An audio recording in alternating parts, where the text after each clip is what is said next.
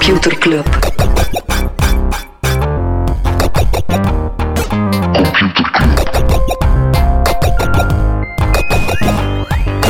Computer Club. Hey Smolly, Hey Freddy, welkom, welkom terug. welkom. Welkom bij Computer Club, een wekelijkse podcast over technologie.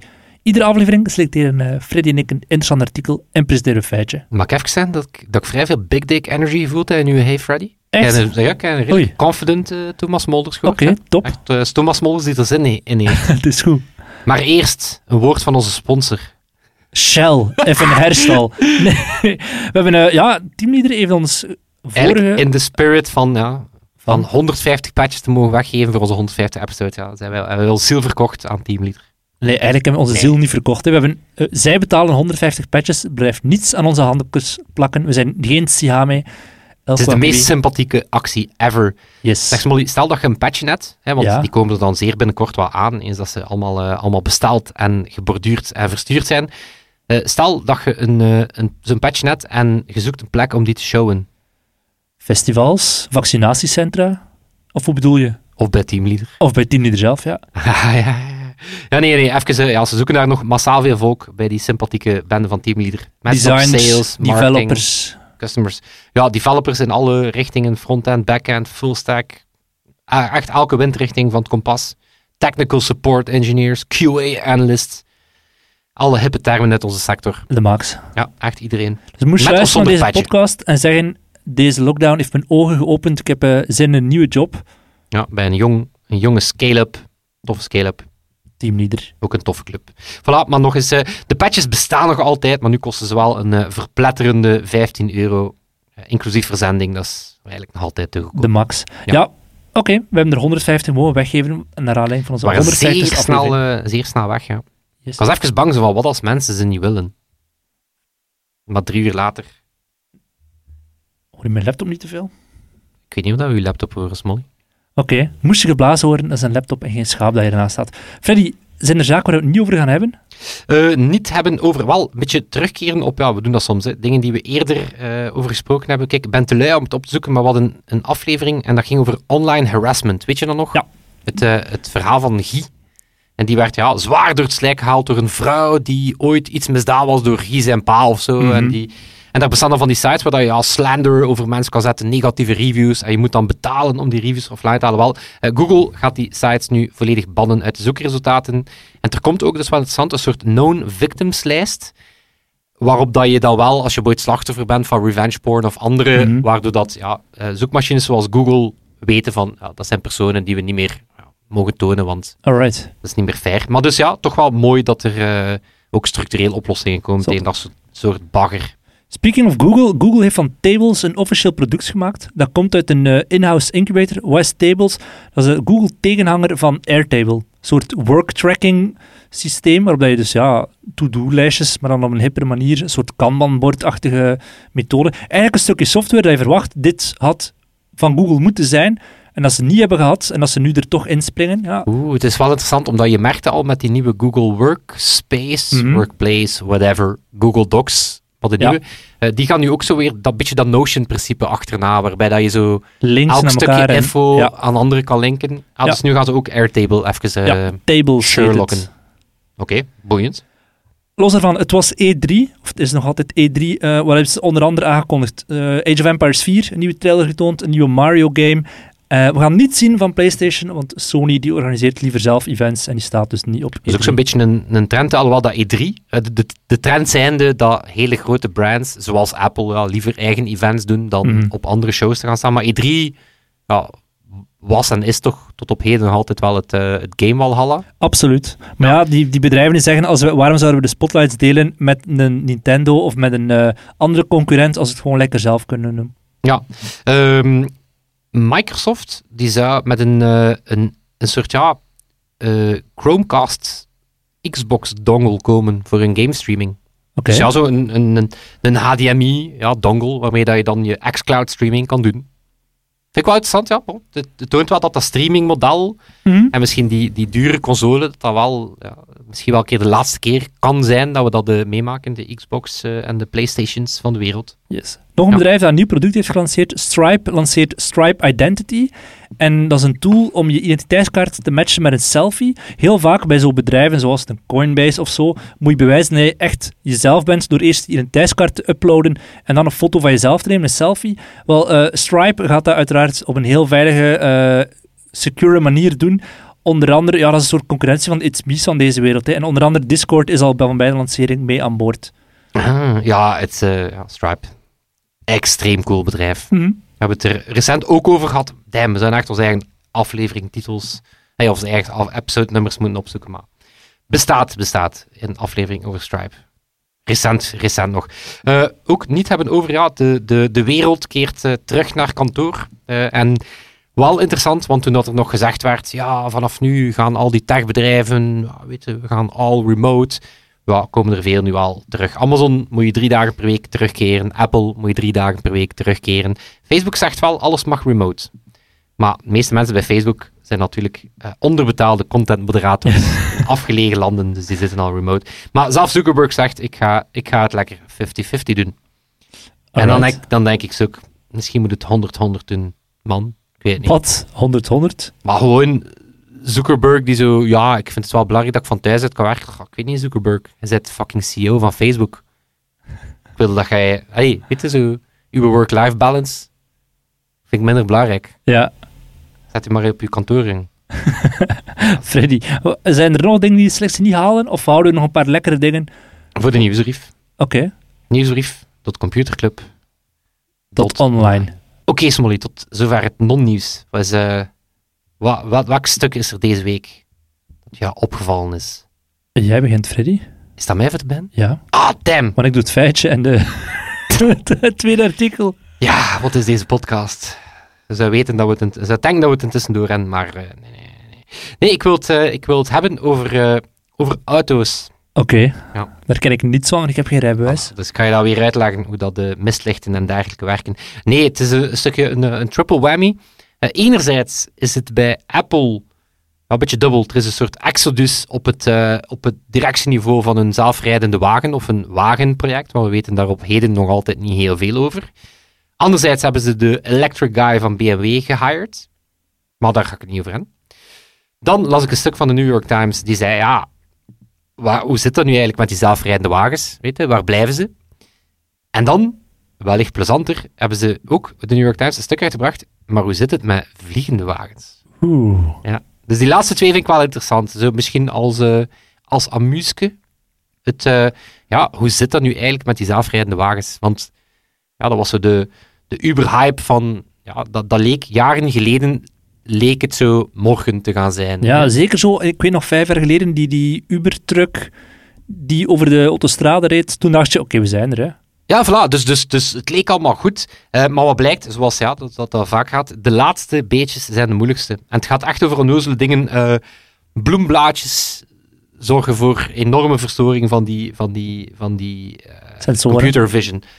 Onnozele dingen, zeeballen, ehm, rode seinlichtjes die dan bij een ongeval op straat gelegd worden. Zo allemaal dingen die, als je het dan zo wat in, een, ja, in de wilde, chaotische context loslaat, dat je ontdekt van, oei nee, dit is duidelijk nog, nog een probleem. Maar ja, eens dat je uit de veilige context van zo'n begeleide rit gaat doen, ja, dan zie je dat veel van die bedrijven wel, wel uit die race stappen. Hè. Eh, Lyft, hè, want dat was dan zo het grote plan van, hè, dat gaat dan de zelfrijdende taxi worden, dus Lyft, Uber, ja, allemaal, hebben allemaal hun zelfrijdende divisies van de, van de hand gedaan.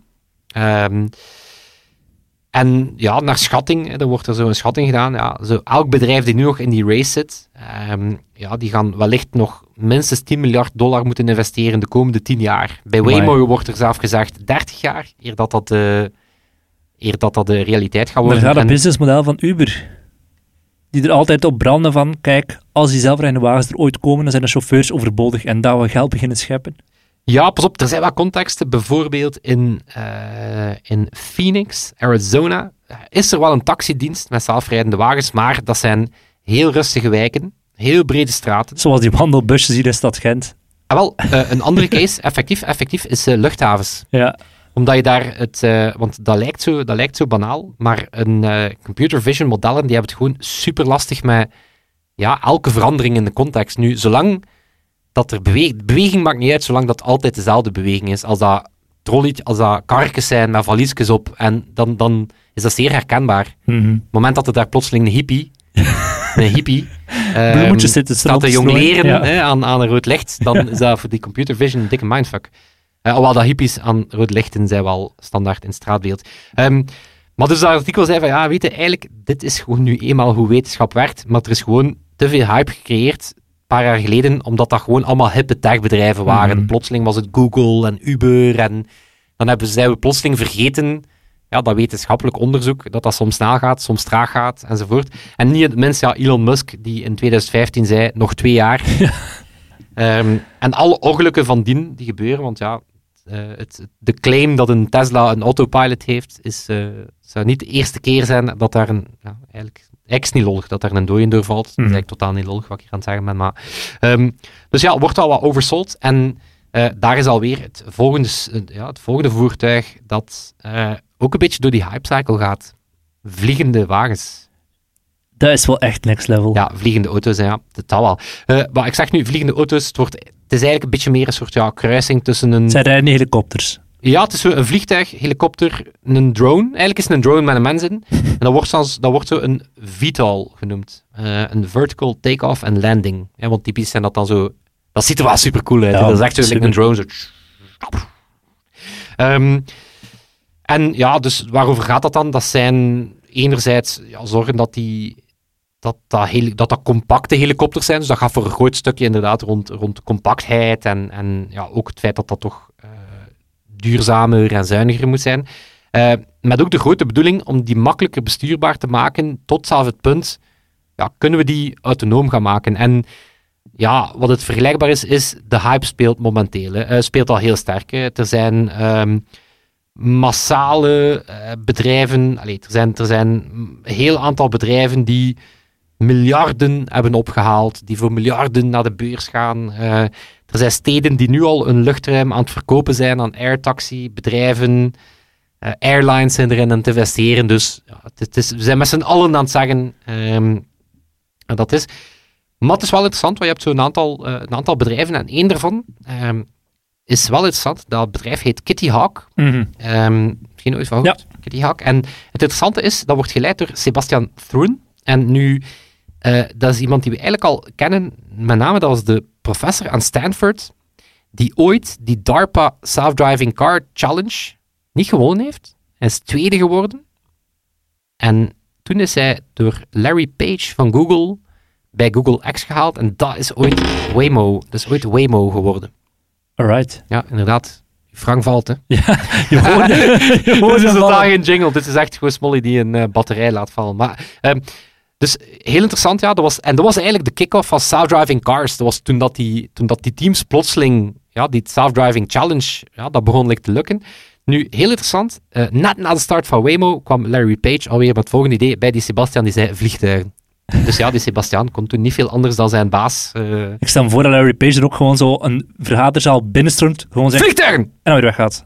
Ja, ik denk dat dat de stijl van Larry Page is. Maar het zijn ook andere bedrijven. Opener bijvoorbeeld. eh, ook, door, ook geïnvesteerd door Larry Page. Eh, die leren bijvoorbeeld mensen vliegen via VR. Hè, dus dan leer je Mhm. met, je met je drone vliegen in VR. Die hebben ook een return home knop.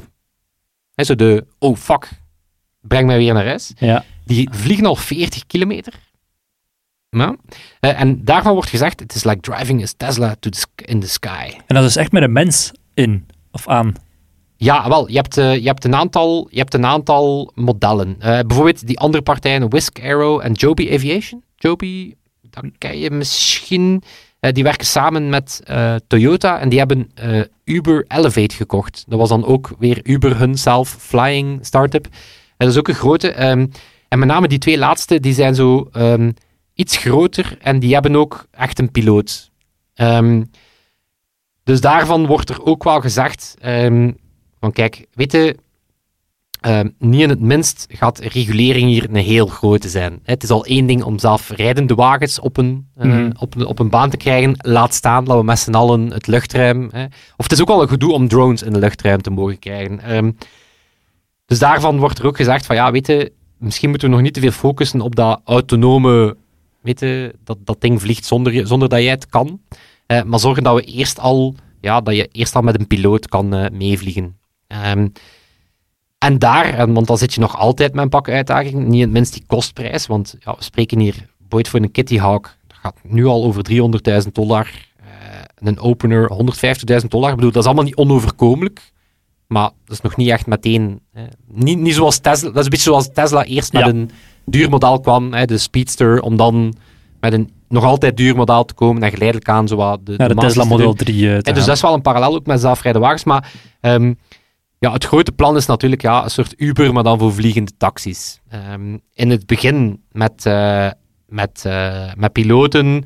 Misschien dat je die ook in het begin gaat delen met andere mensen, met een aantal andere medepassagiers. Ehm, en ook niet oninteressant is dat luchtvaartmaatschappijen, bijvoorbeeld American Airlines, Virgin, eh, United Airlines, ook al miljarden geïnvesteerd in die, in die groepen. Dus ja, het is, het is, wel, ehm, het is wel interessant. Maar het stuk eindigt wel op een eh, ja, redelijk nuchtere noot. Ehm, die ook zegt van, kijk, weten, is er veel hype? Ja. Ehm, gaat dat voor meteen zijn? Nee. Maar ziet het er wel naar uit dat we duurzamere, stillere, minder verbruikende helikopters gaan krijgen? Ja. Cool. En hey, ik ben al sinds wel game om naar de luchthaven van Charleroi te gaan met een helikopter dan wel een Flixbus. Ja, Dus het is een begin. Het is een begin, maar ik vond het wel, eh, ik vond, eh, ik vond het wel boeiend, maar de parallellen met zelfrijdende wagens zijn enorm. Eh zeer veel hype, veel dief- startups. diefstal van de ene Ja. naar de andere, de ene founder die dan naar een andere start-up gaat. Larry Page die in alle startups Mhm. geïnvesteerd heeft. Eh, elk groot bedrijf die dacht, ik moet erin zitten om dan te beseffen, het gaat nergens naartoe, ik moet er weer uit. Het is een beetje hetzelfde. Het is eigenlijk basically terug eh, 2017, Nice. maar dan zonder wielen. We zullen zien hoe dat binnen vier Pam, jaar pam, staan pam. dan. Hoppa. Oké, dan als ik het goed begrijp, Smolly, ga jij nu een weetje doen en dan, dan uw artikel. Yes. Yes, oké, ik ben terug mee. Tijd voor een jingle. Freddy, mijn artikel sluit, mijn, artikel, mijn feitje sluit een beetje aan bij wat hij net vertelde. Eh, het gaat over Steve Jobs. Er doen heel veel verhalen over Steve Jobs, maar dat is dit toch wel een van mijn favorieten. Die werd verteld door John Callis. Heeft ooit met Steve Jobs samengewerkt, zeer close bij, eh, bij Apple. En is nu CTO bij een eh, digital security maatschappij. Dat doet er niet Er is toe. ook zo'n hele categorie mensen die zo... Gewerkt Ik met heb Steve. nog met Steve... ja, Inderdaad, zo, ik heb nog met Steve. Ik heb nog met Steve gewerkt. Ja. Also, Steve? Steve Jobs. Wel, hij, zegt, hij zegt, Steve was zeer eh, op zijn privacy gesteld. Logisch, want ja, dat was toch een bekend figuur. Die reed met een Ik heb nog Mercedes. met Steve gechat. Ja? Steve Goethals, een van onze luisteraars. Ja. Oké, leuk voor Steve. Hij zegt Steve Jobs was op zijn privacy gesteld, die reed rond met een Mercedes en die had een soort loophole gevonden in de eh, wetgeving van waar dat hij woonde. En die kwam erop neer dat als je een nieuwe auto kocht, dan had je zes maanden om een eh, nummerplaat aan te vragen. Wat deed Steve Jobs? Gewoon iedere zes maanden een nieuwe auto kopen, zodat hij nooit een nummerplaat moest eh, op zijn auto hangen. En ook nooit boetes en al kon krijgen. Ja, waarschijnlijk. zoiets, ja, ik denk niet dat hij daarvan wakker lag, maar het was vooral voor zijn privacy. Nog een paar andere leuke feitjes over Steve Jobs. Eh, hij was geadopteerd. Zijn biologische vader was een Syriër. Ik denk dat niet heel veel mensen dat weten. In zijn studententijd, in zijn studententijd heeft hij deels overleefd op gratis maaltijden van de lokale Hare Krishna. Dat zie je ook wel een beetje aan eh, Steve Jobs. Toch een halve boeddhist. En eh, er was nog een derde Apple-oprichter, Ronald Wayne. En die Ronald Wayne is toch wel de grootste eh zielepoot van de wereld geworden, want die heeft na twee weken zijn eh, 10% Apple-aandeel verkocht voor 800 dollar. Die heeft ook de eerste logo getekend, die Ronald Wayne. Dat 10% aandeel in Apple dat zou nu 218 miljard dollar waard zijn. Ja, Dus dikke pech, Ronald. ja, meer op je tanden bijten, Ronald. Ja, Echt? dat is wel het ultieme voorbeeld van eh, denken dat je even snel gaat kunnen cashen en blij zijn met 800 euro, 800 dollar, die nu 218 miljard dollar had kunnen zijn. Oeh, ik ken nog een... eh, maar ik denk, hebben we die ook al niet... Hebben we ook al een keer een episode gedaan over alle soorten easter eggs in, in Apple? Ja, Met zo het feit dat Revolution van de Beatles Mhm. op het iTunes-icoontje staat of zo. Ik weet niet wat dit toegepasseerd was, maar de tribute van eh, de Safari-leeslijst voor Steve Jobs. Dat is ook wel een coole. Dat is eh, het feit dat de, lees, het- de leeslijst in Safari, zo de Read It Later, dat heeft een brilletje. Dat is het eh, brilletje van Steve Jobs. of van Thomas Smollers, of van Harry Potter. Van dat, inderdaad, dat krachtige triumviraat. Ja. Ik vind dat heel interessant dat al die eh, hoedjesdenkers, ja, die denken dan Bill Gates, Illuminati, dit en dat. Maar het is eigenlijk het triumviraat Harry Potter, Steve Jobs en Thomas Molders. Voilà, kom er vooruit. Voilà, dus eh, Steve Jobs is ook wel degelijk dood. Harry Potter bestaat ook wel degelijk niet echt. En toch zit Thomas Molders daar elke week mee in een Zoom-meeting. tart, het, eh, ja, tart de realiteit. Ik wil er even op wijzen dat FaceTime en geen Zoom is, maar voor de rest klopt het helemaal. Voor de rest klopt het eh, verhaal helemaal. Het is zo van de pot gerukt dat het, eh, ja, dat het eigenlijk al millennia, want we spreken hier... eh, ja, allee, ik denk dat jullie eh, wel een bepaalde tijdloosheid hebben, maar inderdaad, het triumviraat, eh, wordt gezegd, bestond al eh, voordat het universum bestond. Voilà, dat is helemaal waar. Freddy, ik heb ook een artikel gelezen vorige week. Tijdens de lockdown is niet alleen de verkoop van wc-papier en van padelraketjes gestegen, maar ook... Padaalraketjes, inderdaad. Hoe kan Ja. dat, dat padel... Hoe goed is de padellobby? ja, en, Even maar- serieus, al, niks mocht en dat is een padel. ja, en ook Dat gewoon... bestond zelf nog niet, Maar Koeken geleden. die tegelijkertijd beslist, ik ga in Vlaanderen duizend padelveldjes aanleggen, omdat het kan. Hmm. Mark, alstublieft. Oké, Yes, maar er is ook nog iets anders eh, heel hard binnen verkopen. En weet je wat dat zou kunnen zijn?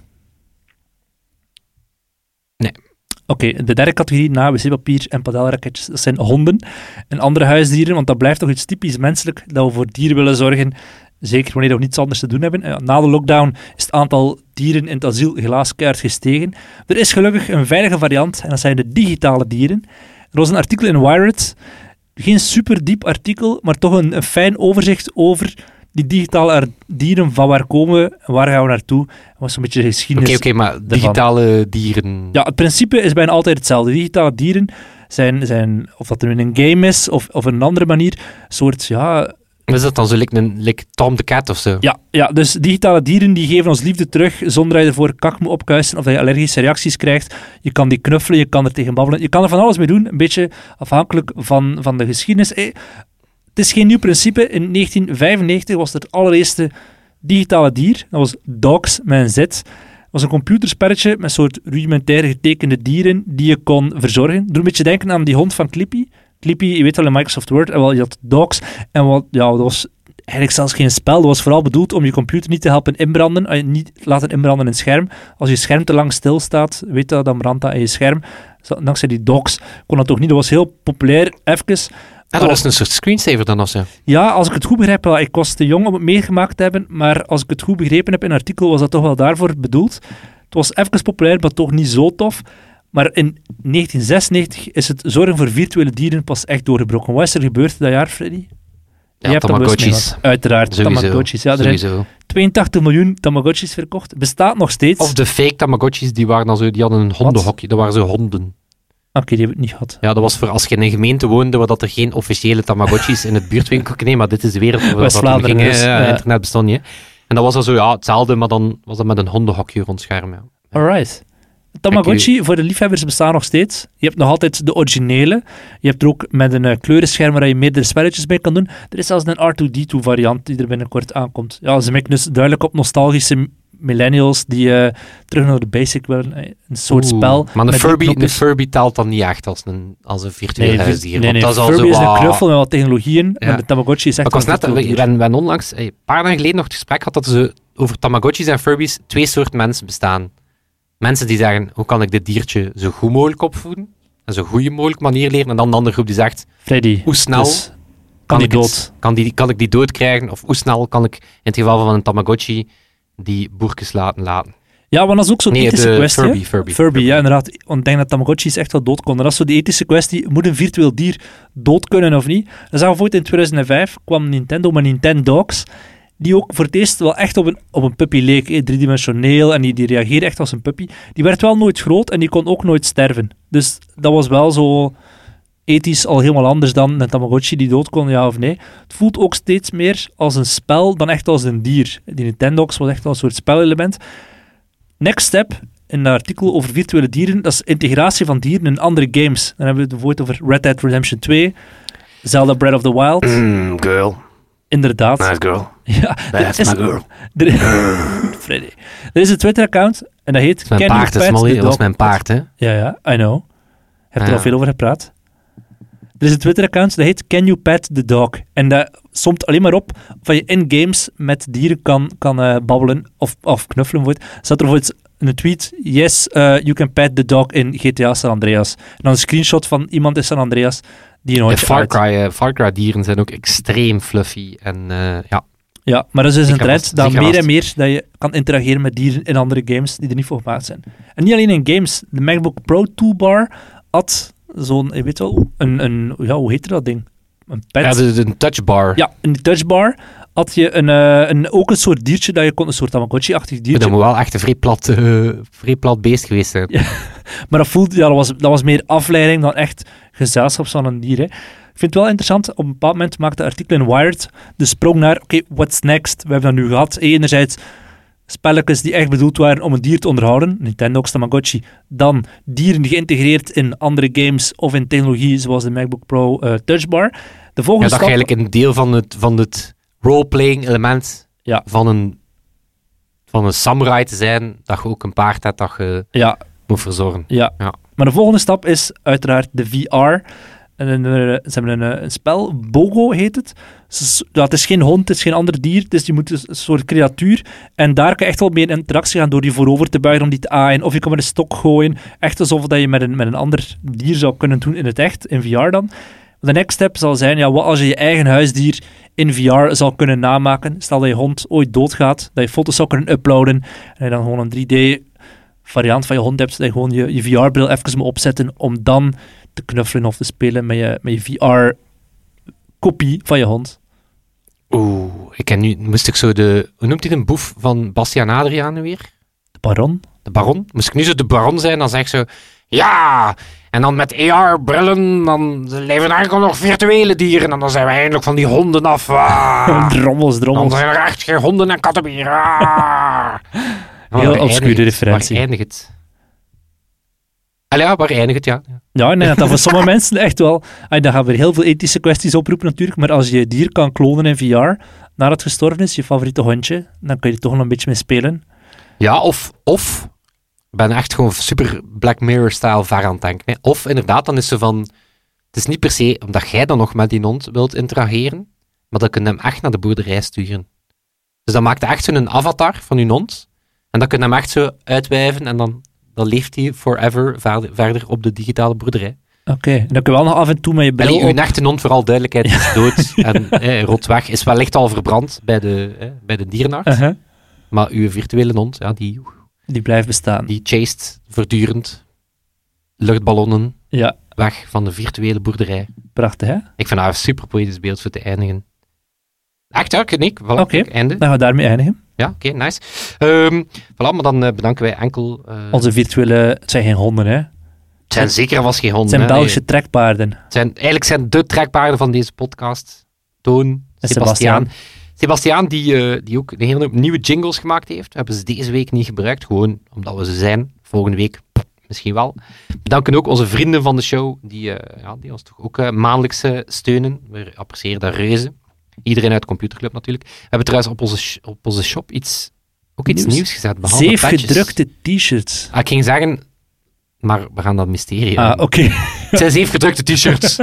Eh, maar ze zijn eh, limited edition. We gaan er maar 50 maken. 25 van elk. We hebben twee 25 kleuren. van elk, ja. Zoals Pokémon, Pokémon rood, Pokémon blauw. Het is een supercool. Het is eigenlijk basically de computerclub mascotte Floppyhead. Uh, ontworpen door onze liefste Katrien. Eh, en er zijn er al heel wat de deur uit, dus ik verwacht dat ze wel echt eh, zeer binnenkort ook eh, Sold out zullen zijn. sold out zullen De zijn. patches zijn er wel nog. Nu wel te koop. Voilà. Koop, koop, koop. Dat zal het zijn. Tot volgende week. Yo. Yo. Computer Club.